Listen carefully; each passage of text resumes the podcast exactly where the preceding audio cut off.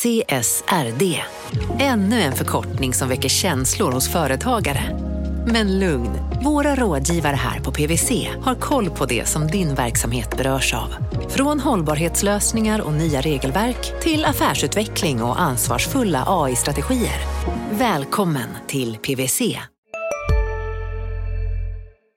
Analyspodden presenteras idag av Blackrock. Blackrock är en kapitalförvaltare med målet att hjälpa fler och fler att uppnå finansiellt välmående. Blackrocks kunder är alltifrån företag, banker och tradingplattformar till privatpersoner runt om i världen. Blackrock har ett brett utbud av produkter. Alltifrån traditionella fonder och iShares ETFer till alternativa investeringar. Gå in på blackrock.com för att läsa mer. Analyspodden från Dagens Industri. Hej! Välkommen till Analyspodden, Dagens Industris podd om börs och makro. Eh, jag heter Agneta Jönsson och med idag är kollegan Johan Wendel. Hej Johan! Tjena, tjena! Idag är det fredag igen och det är den första oktober och klockan är halv elva. Eh, jag tänkte vi skulle prata om eh, lite om turbulensen på börsen. Jag har skrivit om det här med value versus growth. Vi har en del noteringar som är på gång, Polestar och Storskogen bland annat. Och Johan, du har väl lite att berätta om spelbolagen också misstänker jag.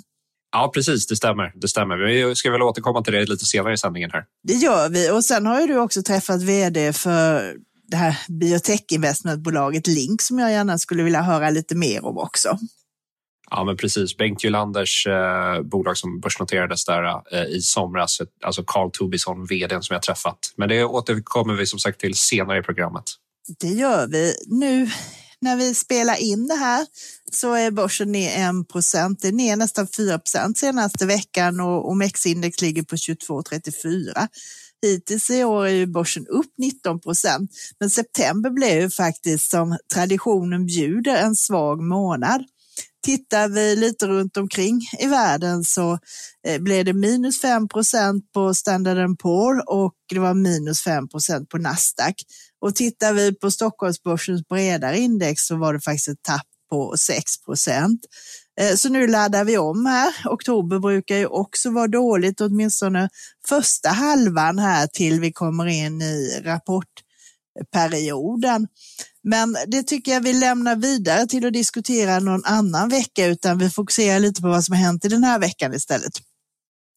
Vi fick ju i måndags så börja, fick vi första nyheten nästan att den här elbilstillverkaren Polestar eh, som ägs av Volvo Cars och Volvo Cars ägare Geely ska noteras på, på Nasdaq i New York och man gör det via ett sånt här bakdörrsarrangemang, det vill säga via en SPAC som heter går Guggenheimer som redan är noterad där.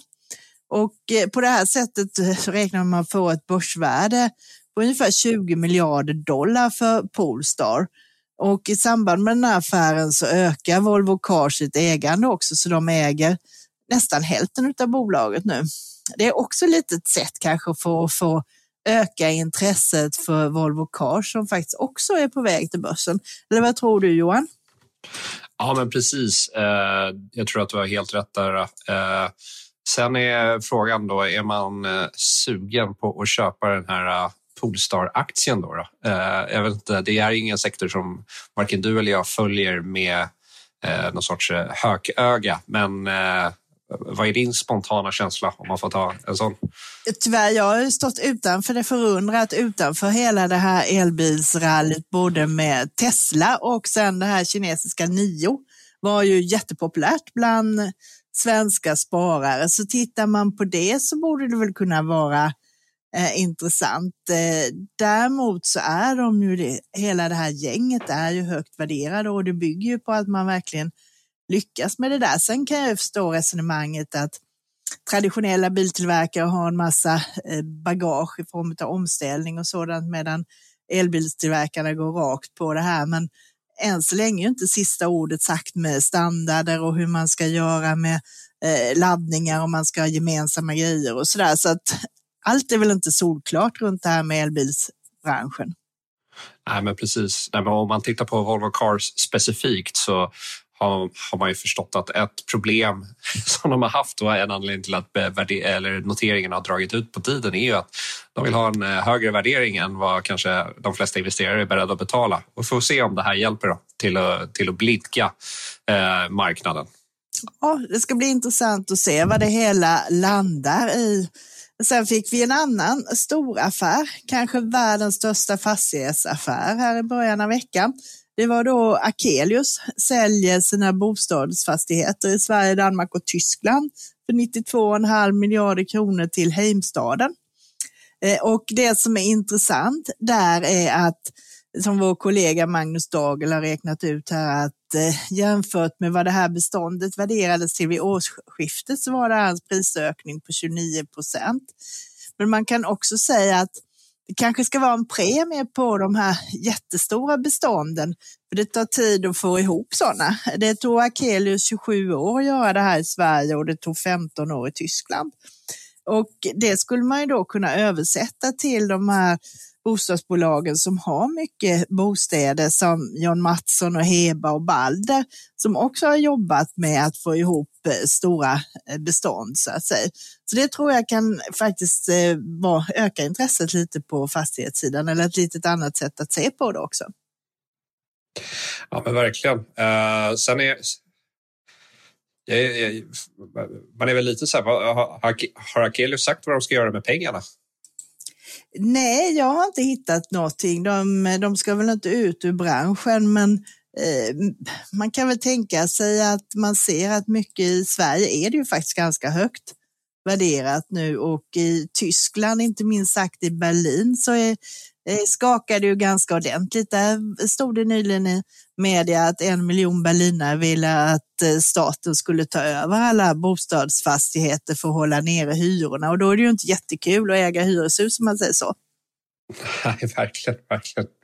Ja, vi får se vad Akelius gör för de här pengarna. Då. Vi får se. Eh, någon däremot som vill också passa på och utnyttja höga värderingar i marknaden är det här nya eh, förvärvskonglomeratet Storskogen som ska noteras 6 oktober. Och det är ju en sån här serieförvärvare som har köpt massor med bolag.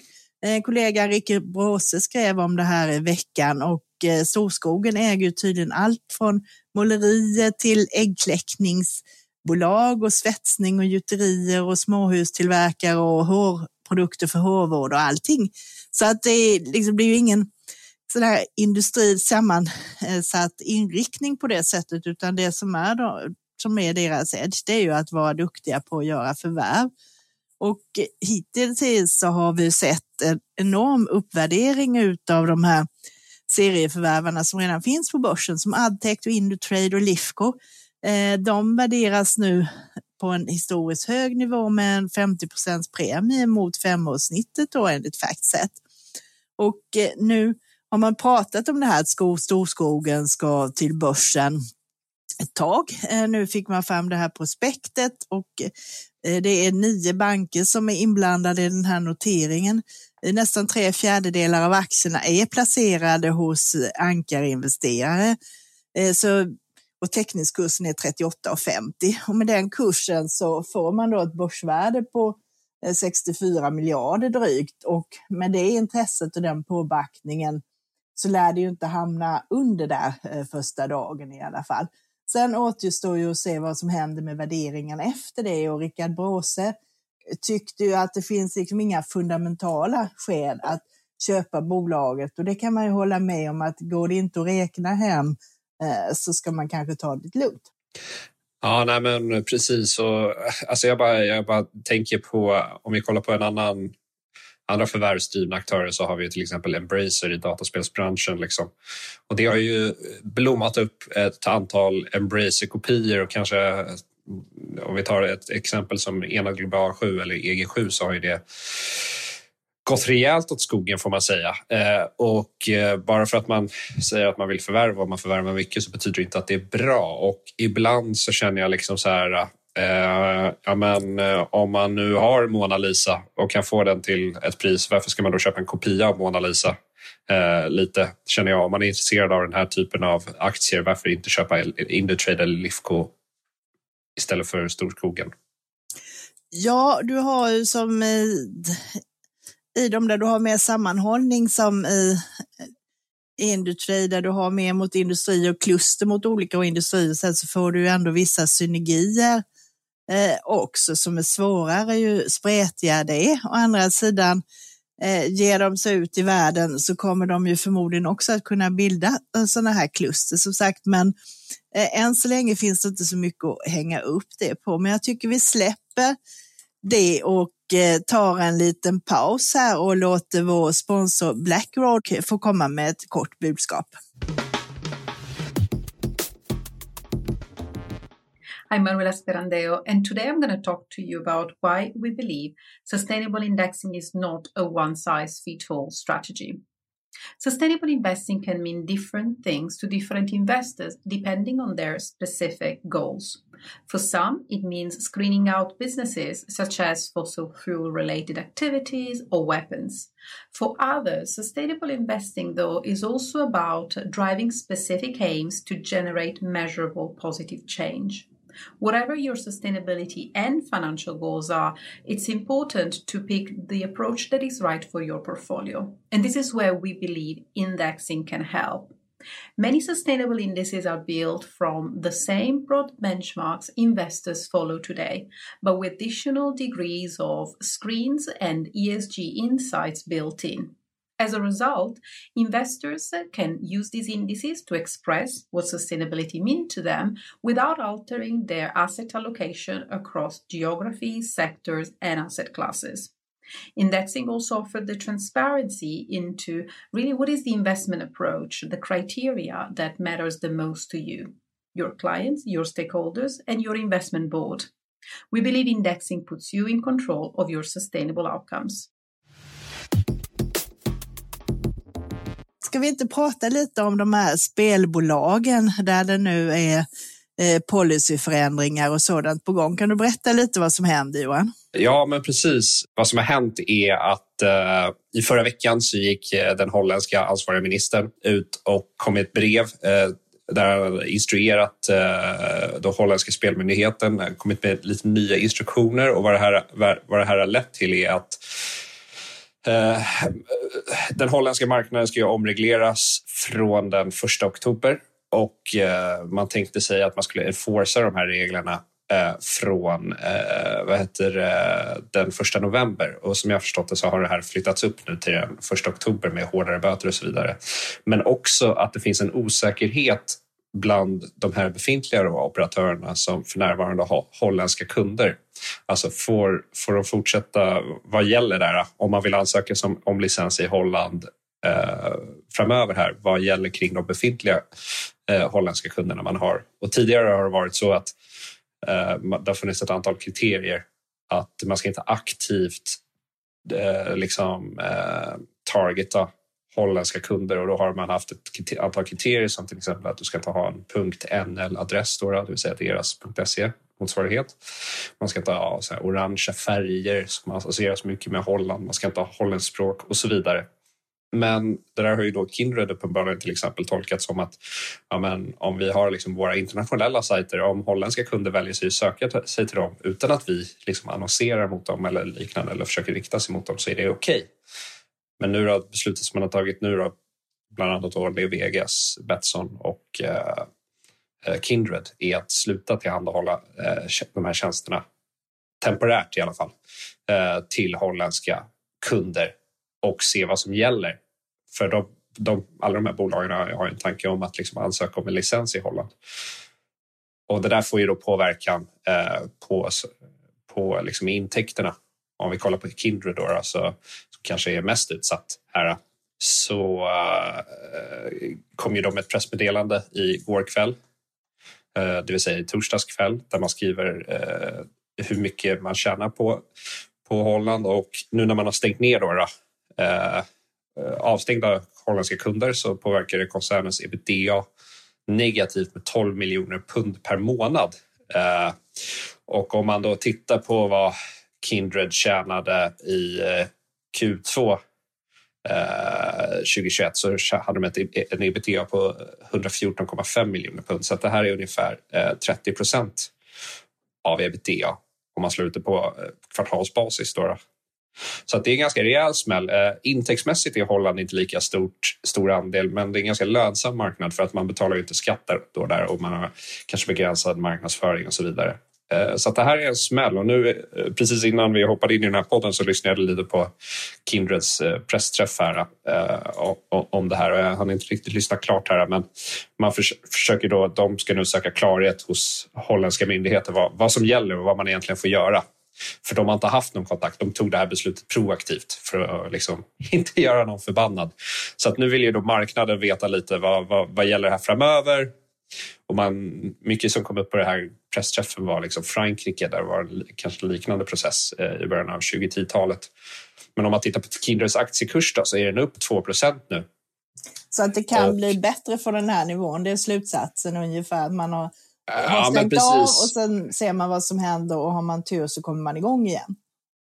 Precis, eh, och, då, eh, och det här är ju liksom en, det här är en process som har varit att Holland ska omregleras och så vidare har ju varit känt väldigt länge. Eh, och Kindreds har, har ju handlats ner lite från kurstopparna här eh, också. Så att, ja, förefaller av liksom aktiereaktionen idag så har liksom marknaden prisat in det här eh, redan. som så ofta. Men, men, där får vi lite se vad liksom holländska myndigheterna säger. Får, får liksom de befintliga holländska kunderna återuppta sin aktivitet hos Kindred? Är det lugnt? och så där? Det, det skulle man vilja veta, bland annat det känns lite sådär som icke kunnig om den här branschen. Så har, det är ju inte första gången den här typen av problem och det känns lite konstigt också med dagens öppna globala värld att det ska vara så mycket lokala regleringar just vad det gäller eh, spelbolag. Man tycker att det borde kunna synkroniseras mer.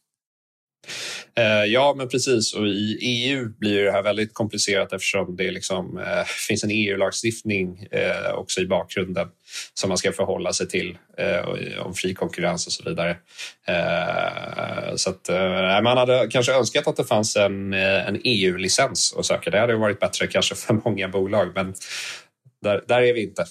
Nej, och sen tycker jag det som jag hatar, det är ju bland de bolag som jag tittar på mest i finansbranschen också, det är ju när spelreglerna ändrar sig under resans gång. Det är ju sådant som eh, alltid ökar osäkerheten och hämmar utvecklingen lite. Det har vi ju sett i finansbranschen eh, som har accelererat sedan finanskrisen egentligen, att det kommer nya eh, påhitt i stort sett hela tiden. Jo, ja, precis. Eh, och sen om man då ska förklara lite varför, och det här är mina spekulationer nu, men om man, varför gör då holländska myndigheter så här? Och det är väl, man har ju delat ut de första tio licenserna här nu eh, inför att man... Vi är specialister på det vi gör, precis som du. Därför försäkrar vi på Swedea bara småföretag, som ditt. För oss är små företag alltid större än stora och vår företagsförsäkring anpassar sig helt efter firmans förutsättningar. Gå in på swedea.se företag och jämför själv. Välkomna sommaren med att... Res med Stena Line i sommar och gör det mesta av din semester. Ta bilen till Danmark, Tyskland, Lettland, Polen och resten av Europa. Se alla våra destinationer och boka nu på stenaline.se. Välkommen ombord!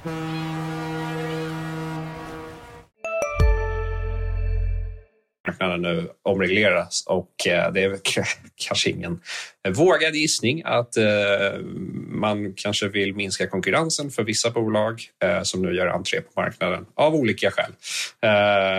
Men det här är ju också liksom en, det här blir också som vi såg i Sverige. Har man för hårda villkor för de som är i licenssystemet eller de som försöker komma in så är det så att kunderna tenderar att söka till olicensierade aktörer och det är ett problem. Men Kindreds guidning, om vi går på dem, de säger ju att när en marknad omregleras så tar det 18 till 36 månader innan den liksom normaliseras igen. Så att det blir negativa effekter. Om vi tittar på en liksom krockkudde som finns i Holland jämfört med Sverige. Sverige hade en ganska hög redan online-andel av eh, spel, eh, spelintäkter. Holland ligger inte riktigt lika högt. De har en eh, online-andel på strax under 20 procent. Det ger en lite mer kanske krockkudde att det, är en sån migration till online som pågår i bakgrunden som vi inte hade riktigt i Sverige. Men vi får se hur det här spelar ut sig, eh, som sagt. Vi släpper det så länge.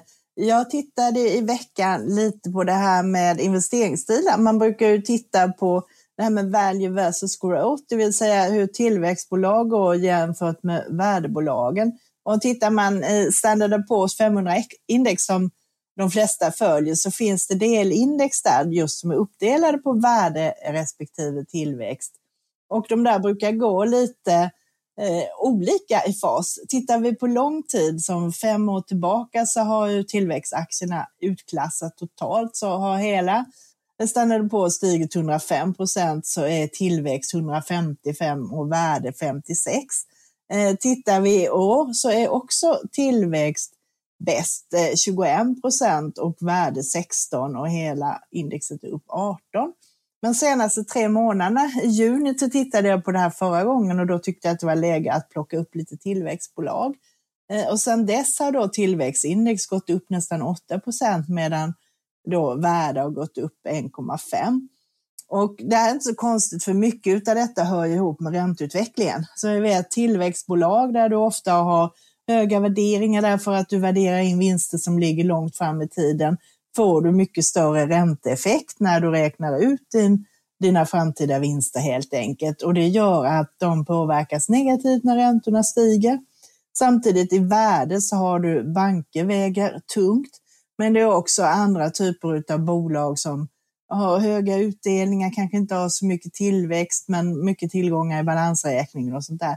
Och där får du lite motsatt effekt, särskilt för bankerna där du då har dubbelt upp, eh, både intäkterna ökar när räntorna stiger plus att du då eh, får gynnsammare utveckling.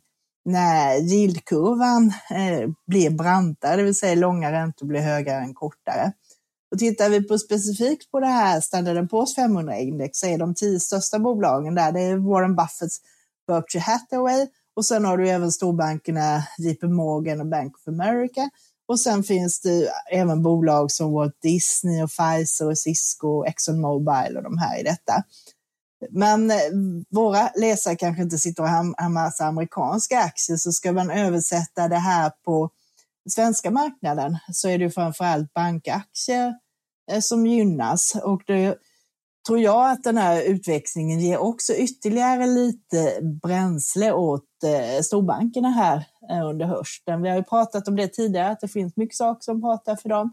Vi har utdelningarna som kommer igång nu och det aviseras hela tiden nya grejer. Swedbank kom idag att man nu har klubbat det här att man ger andra delen utav utdelningen för åren 2019 och 2020 som har hållits igen. Så de här 7,25 eh, som man fick i våras i första delen, nu kommer andra delen här. Men det finns fortfarande pengar kvar i balansräkningen så att man kan nog vänta sig lite mer utdelningar framöver. Eh, det är inte sagt någonting om utdelningarna för 2021 och eh, det finns fortfarande lite utrymme kvar. Eh, sen har Handelsbanken gjort en sån här egen grej. Man delar ut en del Industrivärden-aktier som man har i en pensionsstiftelse. Och då kommer värdet utav dem, man får då en Industrivärden aktier per 65 Handelsbanken och det motsvarar också fyra år, eh, fyra år, drygt 4 och 10 någonting per aktie och det är också kan man säga då motsvarar andra hälften av de här vinsterna 2019 och 2020. Första hälften 4 och 10 fick man i våras. Så det är en del sådana här grejer på gång och Nordea klubbar också resterande del av sin utdelning, då 72 eurocent per aktie nu. Så att Eh, alla har egentligen sagt sitt utom SEB. Eh, de har tidigare sagt att de kommer att prioritera återköp om de är överkapitaliserade. Så att lite mer tongångar i rapporten hur de ser på det eh, nu. Kanske vi kan vänta oss här i oktober. Men där har du de, de grejerna som gynnar och sen har du då, får vi lite högre räntor här så kommer det också vara positivt för bankerna. Och, Eh, så att jag tror att vi får se den här svängen. Även om våra har gått ruskigt bra så finns det nog lite mer eh, att hämta där. Tycker du att det är någon bank som sticker ut? Jag, tycker, jag tror att Nordea kommer att kunna fortsätta ett tag till. De har fått upp ångan efter många år med underprestation vad det gäller intjäning och eh, mycket höga kostnader vad det gäller investeringar, inte minst i det här med en massa grejer för att eh, förhindra penningtvätt och sånt, men också andra IT-system. Så där kan väl hålla i sig lite till. Eh, man har inte riktigt fått, man är uppe i de här första målen man har sagt, att man ska nå en avkastning på eget kapital på 10 procent och man ska komma ner till att kostnaderna motsvarar ungefär 50 procent av intäkterna. Men det borde kunna bli lite till innan det stoppar tror jag. Och sen har du Swedbank som har pressats mycket av de här penningtvättsproblemen i Baltikum och fortfarande släpar efter lite. Man har också släpat efter lite vad det gäller marknadsandelar på bolån under den här eh, perioden. Men nu är slutet av året börjar det där ta fart igen så att kan man komma tillbaka så att man håller sin historiska andel eh, på bolånemarknaden så ser det ganska bra ut för kärnan där är en bra stabil lönsamhet eh, med inte så stor risk. Så att de tycker också ser intressanta ut nu. Men det har varit lite priskrig, eller hur, på bolånefronten? Det är alltid, alltid lite priskrig på bolånefronten. Man kan man kan säga att, man, att det är lite för att, att priskriga kraftigt gynnar ju ingen när det är lite av en oligopolmarknad. För trots allt så är det ändå det vad det gäller bulk, bulkmarknaden. Sen har du väldigt förmånliga räntor från nischaktörer på, men då är det speciella ut, områden. Till exempel Nordnet har en väldigt låg eh, ränta för private banking-kunder, jag tror 0,69 Eh, på bolån. Men då ska du ha en låg belåningsgrad och sådant. Det har du även på de här förmånliga lånen du kan få på Avanza via Stabel och sånt där. Och många gånger handlar uppstickaren om att det är redan befintliga lån eh, som flyttas och du får bra villkor. Så nya lån klarar ofta de här aktörerna inte ut att hantera. Än så länge får man väl säga i alla fall. Nej, eh, kreditrisk är knepigt det är knepigt och det är också en stor apparat. Det är ju stordriftsfördelar. Du, ska du ge ut bostadsobligationer och ha många så måste du ha många lån i botten, vilket gör att det är lite tuffare när du ska börja från början så att säga. Ja, är spännande. Vi får hålla utkik på vad, vad bankerna tar vägen här. Då vi släpper dem tycker jag och så pratar lite mer om Link. Det tycker jag låter lite mer eh, spännande nu. De kom ju eh, på börsen här i slutet av maj och sista dagen var kursen 85 kronor. Nu är den 89 så att eh, man blir lite sugen. Kan du berätta om bolaget, vad de gör och hur du ser på värdering och sådär? Ja, men precis. Nej, men det är ju startat då, eh, i början av 90-talet av Bengt Gylander. Eh, Eh, eh, som är investerare i läkemedel och medicinteknik eh, och etablerat sig som en riktig profil och han äger också 65 procent av aktierna i det här Link. Då, så jag snackade då med vdn Carl Tobisson om bolagets strategi, innehaven och så vidare och hur de ser på framtiden. Och det har ju varit ganska tufft för framförallt läkemedel på eh, Stockholmsbörsen och även biotech liksom globalt har inte gått kanon. Men om vi tittar på Stockholmsbörsen så har ju liksom Oncopeptides eh, till exempel havererat helt. Eh, och om vi tittar bland Links innehav så har ju Caliditas då, eh, gått eh, rätt dåligt, så det pratade vi bland annat och det beror ju på att FDA har eh, krävt mer, eller mer tid på sig helt enkelt för huruvida de ska godkänna en, eh, ett läkemedel som Caliditas har i portföljen. Och när jag frågade lite om Carl Tobisson och, och, där, eh, och det kom med i texten där han antyder ganska kraftigt att han tror att det har mer allmänt med liksom, när man har sett Onko till exempel, hur den har gått, då är man på nålar. Man är lite nervös när man hör FDA då. Eh, pekade han på bland annat. Så att, men äh, mycket sympatisk eh, vd eh, eh, att träffa gav ett väldigt bra intryck eh, och jag tycker jag gav svar på frågorna också. Eh, men eh, nej, kanske problemet för dem, det är ju en, fördelen för dem, om vi börjar där, det är en svårinvesterad sektor. Så då är de ju tacksamma när liksom de går in och sätter sin kvalitetsstämpel på bolag. Och de investerar ju i bolag som är lite mindre, kanske 500 miljoner, en miljard i market cap eller någonting sånt där. Eh, så de hittar pärlorna där. Men om vi tittar, det knepiga är ju liksom värderingen. Eh, du nämnde kursen står i 89 kronor. Per den 31 augusti var substansvärdet 65 kronor per aktie så du får pröjsa en rätt rejäl premie. Alltså. Eh, jag vet inte vad du känner där. Är det mycket onoterat eller är det en stor del noterat i portföljen? Onoterat är strax under 5 av portföljen. Och jag frågar lite där och han antyder ganska kraftigt att hade de onoterade varit noterade hade de haft ett helt annat värde eh, för att börsen sätter ett mycket högre värde på dem.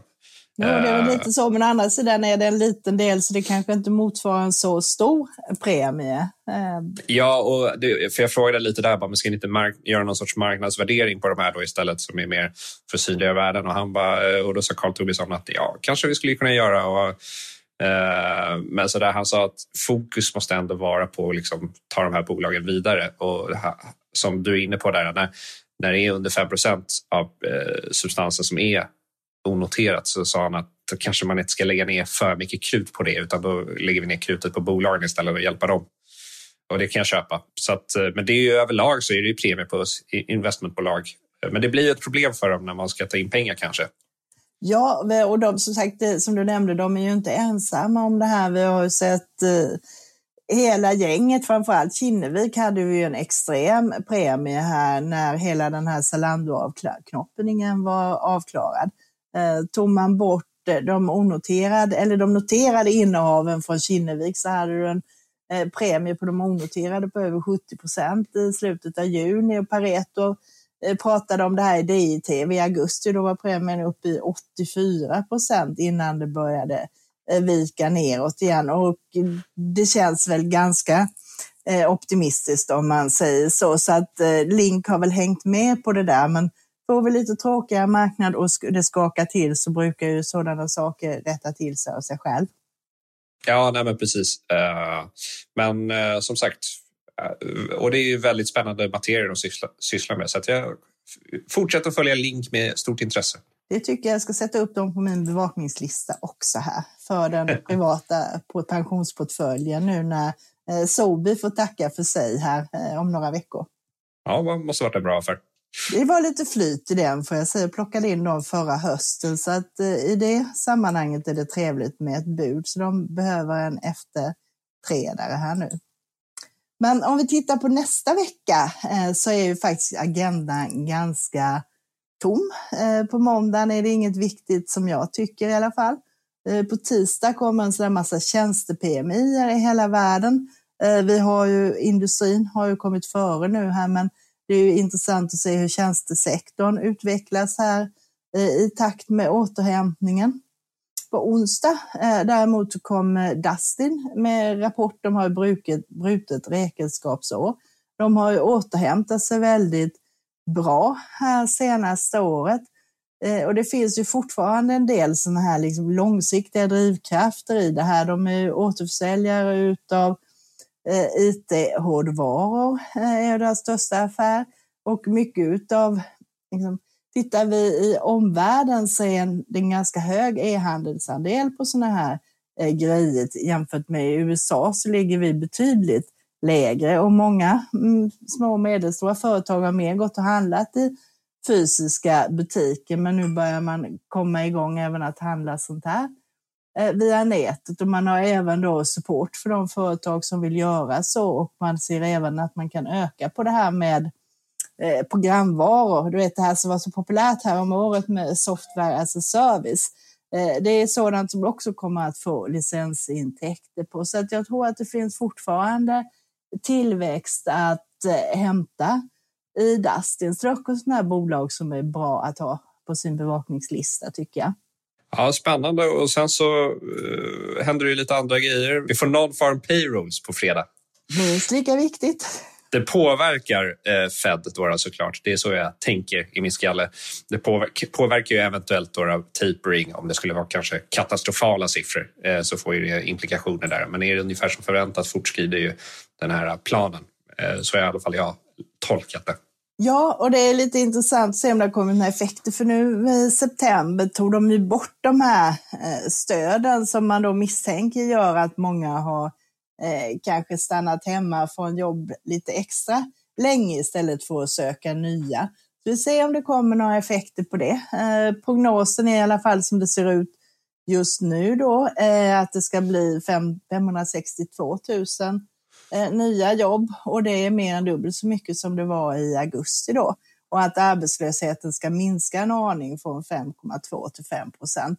Sen håller ju alla de här analyshusen på att räkna på det där, så prognosen kan ju ändras lite under eh, nästa vecka. Det är ju sådant som är, eh, kan man väl säga egentligen, är månadens viktigaste eh, statistiksiffra för börsen i alla fall.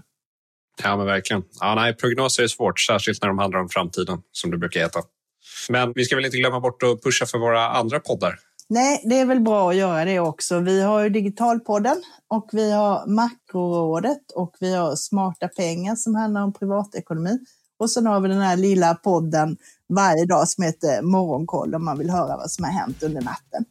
Och då är det väl dags för oss att säga adjö och önska trevlig helg tycker jag. Det tycker jag. Tack så mycket för att ni lyssnade. Ta hand om er. Vi hörs. Hej! Hej då! Analyspodden presenteras idag av Blackrock.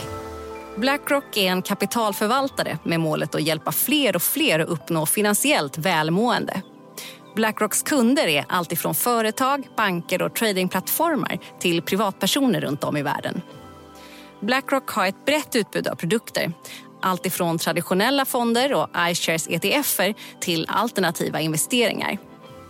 Gå in på blackrock.com för att läsa mer. Analyspodden från Dagens Industri. Programmet redigerades av Umami Produktion. Ansvarig utgivare Peter Fellman.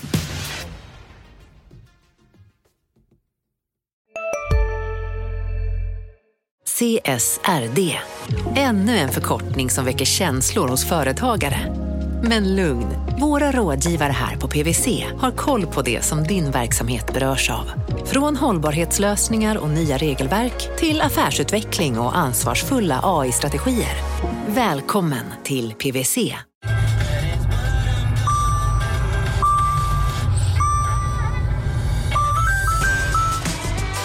Dags att fylla på tanken. Stanna på Circle K så får du 50 öre rabatt per liter på dina tre första tankningar när du blir medlem. Vi ses på Circle K i sommar.